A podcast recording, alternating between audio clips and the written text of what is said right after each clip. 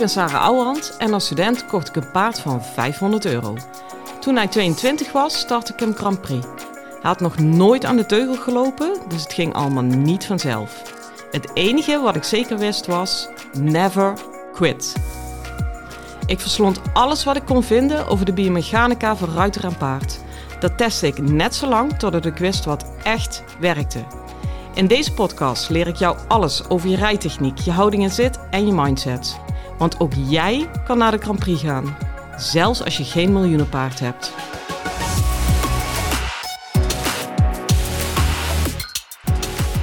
Hey lieve paardenmensen, ik rij net weg van mijn huis. Ik ga helemaal niks doen wat ook maar iets met paarden te maken heeft. Ik heb een uh, hele leuke stoel op Marktplaats gezien. Jawel, één stoel. En dan ga ik nu een uur voor in de auto zitten. Ik denk soms ook, waar ben ik mee bezig? Maar goed, maakt niet uit, maakt niet uit. Want ik heb echt wel een, uh, een andere hobby. En dat is oude meubeltjes opknappen. Dus ik heb nou bij, uh, ik heb zo'n kaps, echt zo'n kaptafel, zo'n ouderwets met zo'n grote spiegel voor op de slaapkamer gekocht. En er moet natuurlijk helemaal zo'n super uber schattig brokant stoeltje bij. En die heb ik gevonden, die ga ik opnieuw stofferen. Dus ik ben benieuwd, ik ben benieuwd. Kortom, ik zit een uur in de auto. Uh, dat uur ga ik niet uh, aan je kop zeiken, wou ik zeggen. Maar ik zal maar iets minder plat zijn. Maar ik, ik, ik sta wel aan, dus u bent gewaarschuwd. Want, wat was nou? Um, ik heb vandaag ook wel gewoon gewerkt, maar een laptopdag, zoals ik dat noem. En uh, ik kreeg een mailtje waarvan ik dacht, ja, what the fuck is hier allemaal aan de hand? Uh, zij mailde me, ik zit in zak en as. Echt helemaal met de handen in het haar. Ja, nou ja, tranen met tuiten volgens mij aan de andere kant van, de, van internet. Want, even in het kort, haar paard had een blessure. Gewoon op en af, niet helemaal rad. En die bleek wat irritaties aan het NC-gewricht te hebben. Dat doet even heel lang. En bij een zeer gerenoveerde kliniek geweest. Nou, links, rechts ingespoten, trainingsschema. En uh, twee mensen meegekregen, twee namen van ja, daar moet je mee gaan trainen ter revalidatie. Ik zucht alvast maar een keer. Dan hebben we die alvast één keer gehad. Um, dus zij is natuurlijk super braaf, super trouw en gaat met die mensen die de kliniek heeft aanbevolen aan de slag. Ja, daar moest uh, van alles mee gebeuren. Grondwerk, longeren, daar moest ze bijzetten aan. Nou, weet ik wat allemaal. Eigenlijk maakt het ook niet heel veel uit wat er puur inhoudelijk in die les gebeurde. Maar onder de streep zegt ze, ja, ik heb na de laatste les gewoon zitten huilen omdat het zo niet goed voelt. En... Uh, Eigenlijk uh, zat ze volgens mij alleen maar te huilen omdat niks meer goed voelde. En ze mailde mij dus, wat moet ik doen? En even voor de beeldvorming, lieve mensen. Ik heb deze dame nog nooit ontmoet. Laat staan dat ik haar ooit heb zien rijden.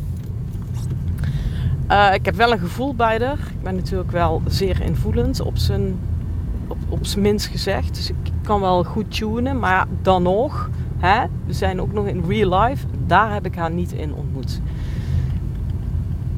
Maar ik lees die mail en ik denk, jij, wat gebeurt hier nou? Want jij vraagt mij om antwoorden.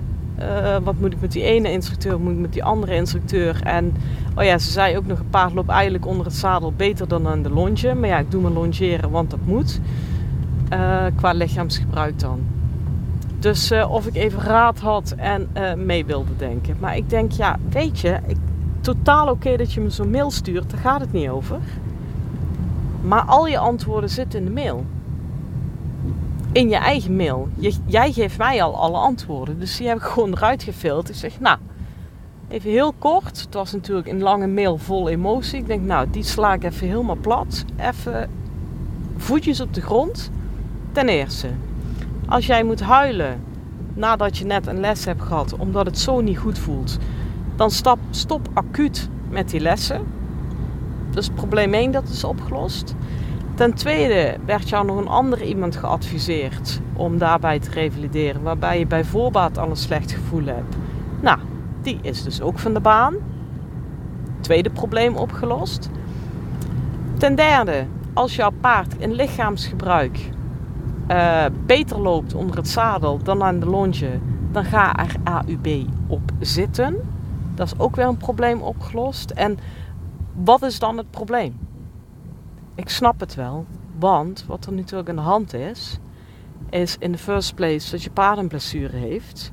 En dat blijft me fascineren, behalve als ik er zelf in zit. Ik weet niet wat dat is, jongens, maar als je paard iets heeft, bij, nou ja, wij laat ik ons niet allemaal op één berg, maar in mijn directe omgeving, de vrouwen die ik om me heen heb, zijn echt, echt sterke vrouwen. Die ook echt wel al genoeg voor de kiezen hebben gehad. Waarvan je denkt, oké, respect. Maar zodra die pony iets heeft, jeetje mina. Meteen helemaal gevloerd, uit je kracht, zorgen, piekeren. Weet ik wel veel het allemaal. Het is gewoon abnormaal. Iedere keer opnieuw. En ik weet het. En ik heb al helemaal iets van... Ehm, ja, wat heb ik nou toch nog te willen met mijn paard? Weet je wel, 22, alles bereiken wat ik kon bereiken. Halleluja, ik ben ermee bekend geworden. Dus nou, mooi, mooier afscheid is er niet. Nou, die was afgelopen twee weken niet fit. Nou, Sarah ligt weer op de grond hoor.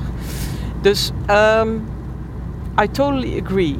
Maar goed, op dat moment word je dus zo ongelooflijk kwetsbaar. En wat ik vooral heel moeilijk vind voor haar en in die zin ook herkenbaar op dat moment word je ook zo ongelooflijk beïnvloedbaar. Ehm, want we hebben er ook nog eens een handje aan met snallen. Als die knol iets heeft, dan komt het vooral door jouzelf.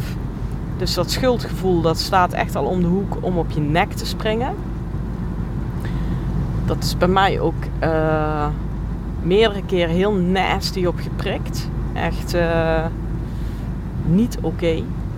Maar goed, Um, dus ook daar kan ik over meepraten. Ja, en op het moment dat dat schuldgevoel in je nek zit, um, ik denk dat hij daar zit, en ik bedenk hem nu terwijl ik met jullie praat. Op het moment dat dat schuldgevoel op je nek zit, heeft iedereen dus recht van spreken, behalve jij. En dat is een hele gevaarlijke, want dat maakt je enorm beïnvloedbaar dat merk ik ook aan haar. Dat ik denk, ja, jij denkt echt, als ik je mail lees, jij denkt echt dat je de weg kwijt bent. Maar in je mail zitten alle antwoorden. Ik bedoel, je bent de weg niet kwijt, je denkt het alleen maar. Maar dat is gewoon echt totale mindfuck. Want ook als je alleen maar denkt dat je de weg kwijt bent, ben je hem kwijt. Volg je mij nog? Nou, oké, ik hoop het. Ik wilde dit gewoon een keer delen met jullie. Niet omdat er meteen een hapklare oplossing is als je daarin zit, maar wel wees je daarvan bewust dat dit de mindfuck is die gebeurt. En dat is ook het moment uh, waarop, um, dat is ook het gevaarlijke, waarop juist de ego-trippertjes om de hoek komen die jou wel even vertellen hoe het zit. Snap je? Um, kijk, die les waar zij huilend uh, van zitten huilen nadat dat ze klaar is. Stiekem in een hoekje waarschijnlijk, zonder iets te zeggen. Ik vul het maar even in. Ik heb oprecht geen oordeel over die les. Ik heb zelfs oprecht geen oordeel over de bijzet, want ik was er niet bij. Dus in die zin zeg ik niet stop er maar mee, want het is een K-les. Helemaal niet. Maar uh, ongeacht inhoud van die les, hij past je niet, want je zit erna te huilen omdat je er niet meer om kan gaan. Hallo. Snap je? Maar dan ergens die cirkel, ja, die moet een keer doorbroken worden. Dan was ik ook heel blij met mijn antwoord, want ik heb gewoon tak, tak, tak gezet. Ik denk, ja, nou trek ik even alle emoties eraf. Hier moet je zijn. Bedankt ze mij ook nog voor mijn antwoorden. Terwijl ik denk, ja, lieve schat, ik heb ze niet gegeven. Ik heb alleen jouw eigen mail samengevat zonder emotie. Snap je? En ik, ik vind het ook. Ik vind het sowieso heel erg mooi dat zij mij mailt zonder dat ze me kent. Omdat ze denkt, ja, ik moet bij jou zijn. Dat mag ook altijd. Um, waarbij ik heel duidelijk het verschil voel. Die wil ik toch een keer hardop gezegd hebben uh, de mensen die oprecht iets komen vragen of de mensen die komen halen bij mij. Voel je het verschil? Want zij, zij zetten bijvoorbeeld in die hele lange mail aan het einde van ja, ik weet dat je, weet ik veel, je zult wel veel van deze mails krijgen. dat valt reuze mee. Maar als je een vergoeding wil voor je antwoord, dan is het altijd oké. Weet je, en ik heb haar geen cent gevraagd, maar alleen al die instelling, dat ze zich er bewust van is van hé, hey, hoe, hoe doen wij het in de uitwisseling? Dat is al goed. Ik heb ook soms mensen dat ik denk, ja jongens, weet je, je komt nou gewoon shoppen en halen. En ondanks al mijn uitnodigingen in de podcast van ja, als, als er iets is, mail me. Klopt nog steeds, maar ik filter wel. Ik denk dat die uh, goed is om een keer het universum in te jagen. Maar goed, even terug naar uh, de dame die dan down en out is. Um, dit gebeurt ons allemaal. En zeker jullie die mij volgen, die luisteren, jullie zijn allemaal. Ik heb één uitzondering, maar voor de rest zijn het allemaal bovengemiddelde gevoel, ge, gevoelige mensen. Dus hier zit je zo in. En zeker iets als met je kind is. Maar jongens, um, ook hierbij wil ik je dus uitnodigen. Stap uit de fucking vorm. Zij was zo braaf, alles aan doen wat de kliniek haar gezegd had. En misschien had de kliniek wel een punt. Weet je, puur medisch gezien of zo. Dat, dat, dat wil ik ook niet in het midden laten. Maar um, ze kunnen zoveel medische of wetenschappelijke punten hebben als dat ze zelf willen. Het past haar niet. Want ze zit met handen in het haar, snap je? Dan moet je natuurlijk ook aan de andere kant niet tronteigenwijs zijn en hem alleen maar in de krul blijven trekken en zo dat SI naar de kut helpen. Maar goed, ik hoop dat we dat punt ook een beetje voorbij zijn met z'n allen. Er is een middenweg. Um, en als paarden je ergens bij brengen, is het bij jouw eigen waarheid. Um, ik kan dat nu natuurlijk. Nee, weet je, ik wou zeggen, ik kan het makkelijk zeggen, maar dat is niet zo. En ik heb dit altijd gezegd. En ik heb ook altijd mijn eigen waarheid durven volgen hierin.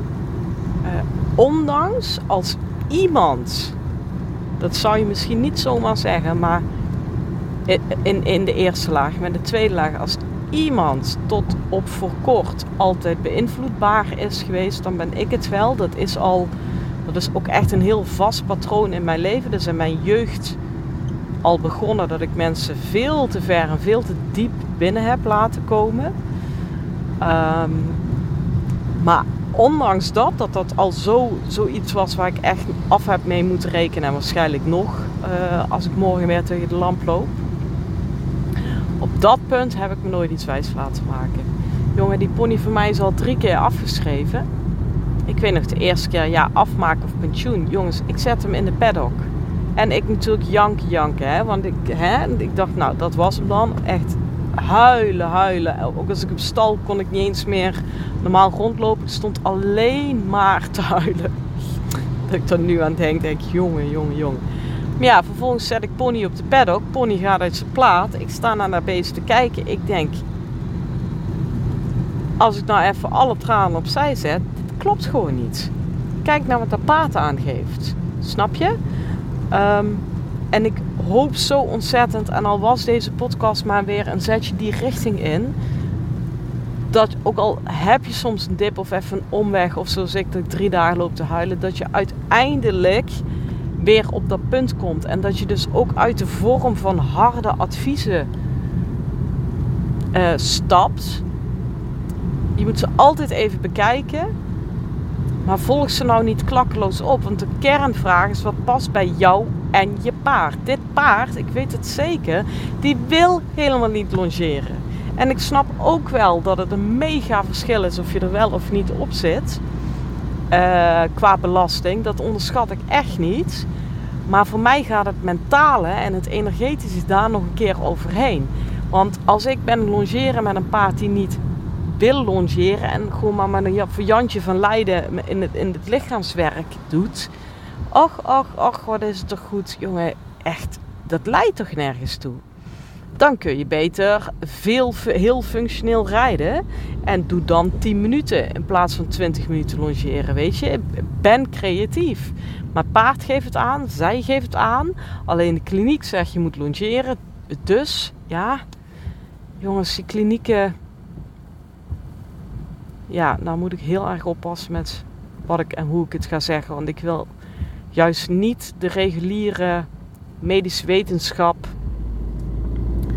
uh, over de balk gooien. Want dan komen we ook in een veld terecht als we dat laten schieten waar ik ook niet in wil zitten.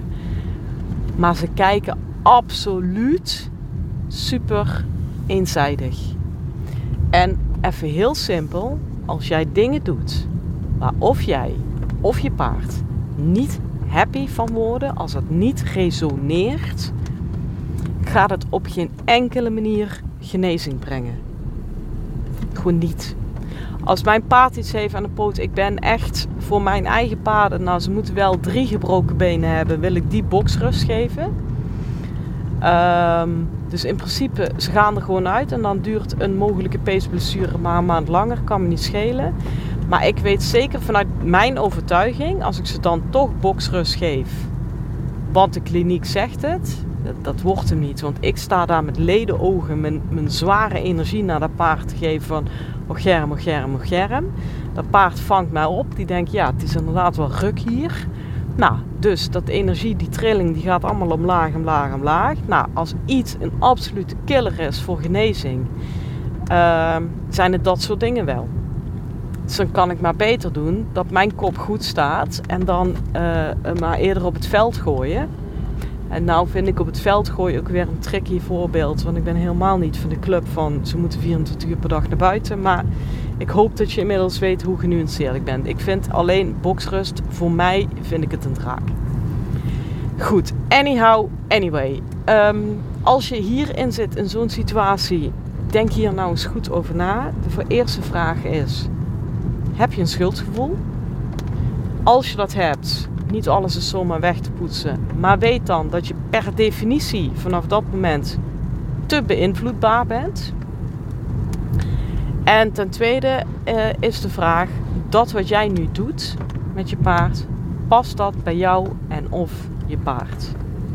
En als er ook maar iets is wat niet past, dan stap je lekker uit je dingen waarvan jij dacht dat het allemaal zo fantastisch goed was. En dan ga je iets anders doen. En dan zoek je mensen die je daarin supporten.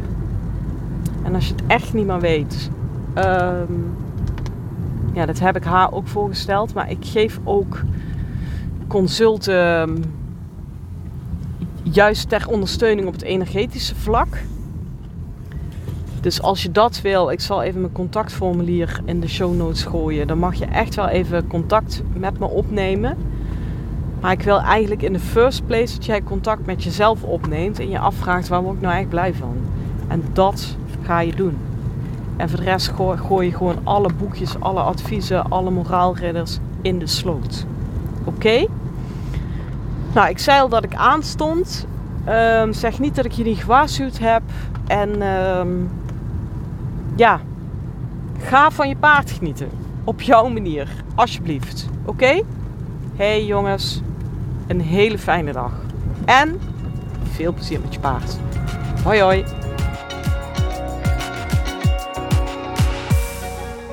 Lieve ruiters, dit was hem weer voor vandaag. Waardeer je mijn tips? Geef me sterren op Spotify en iTunes. Dat voelt voor mij als een dankjewel. En geef je paard een knuffel van me.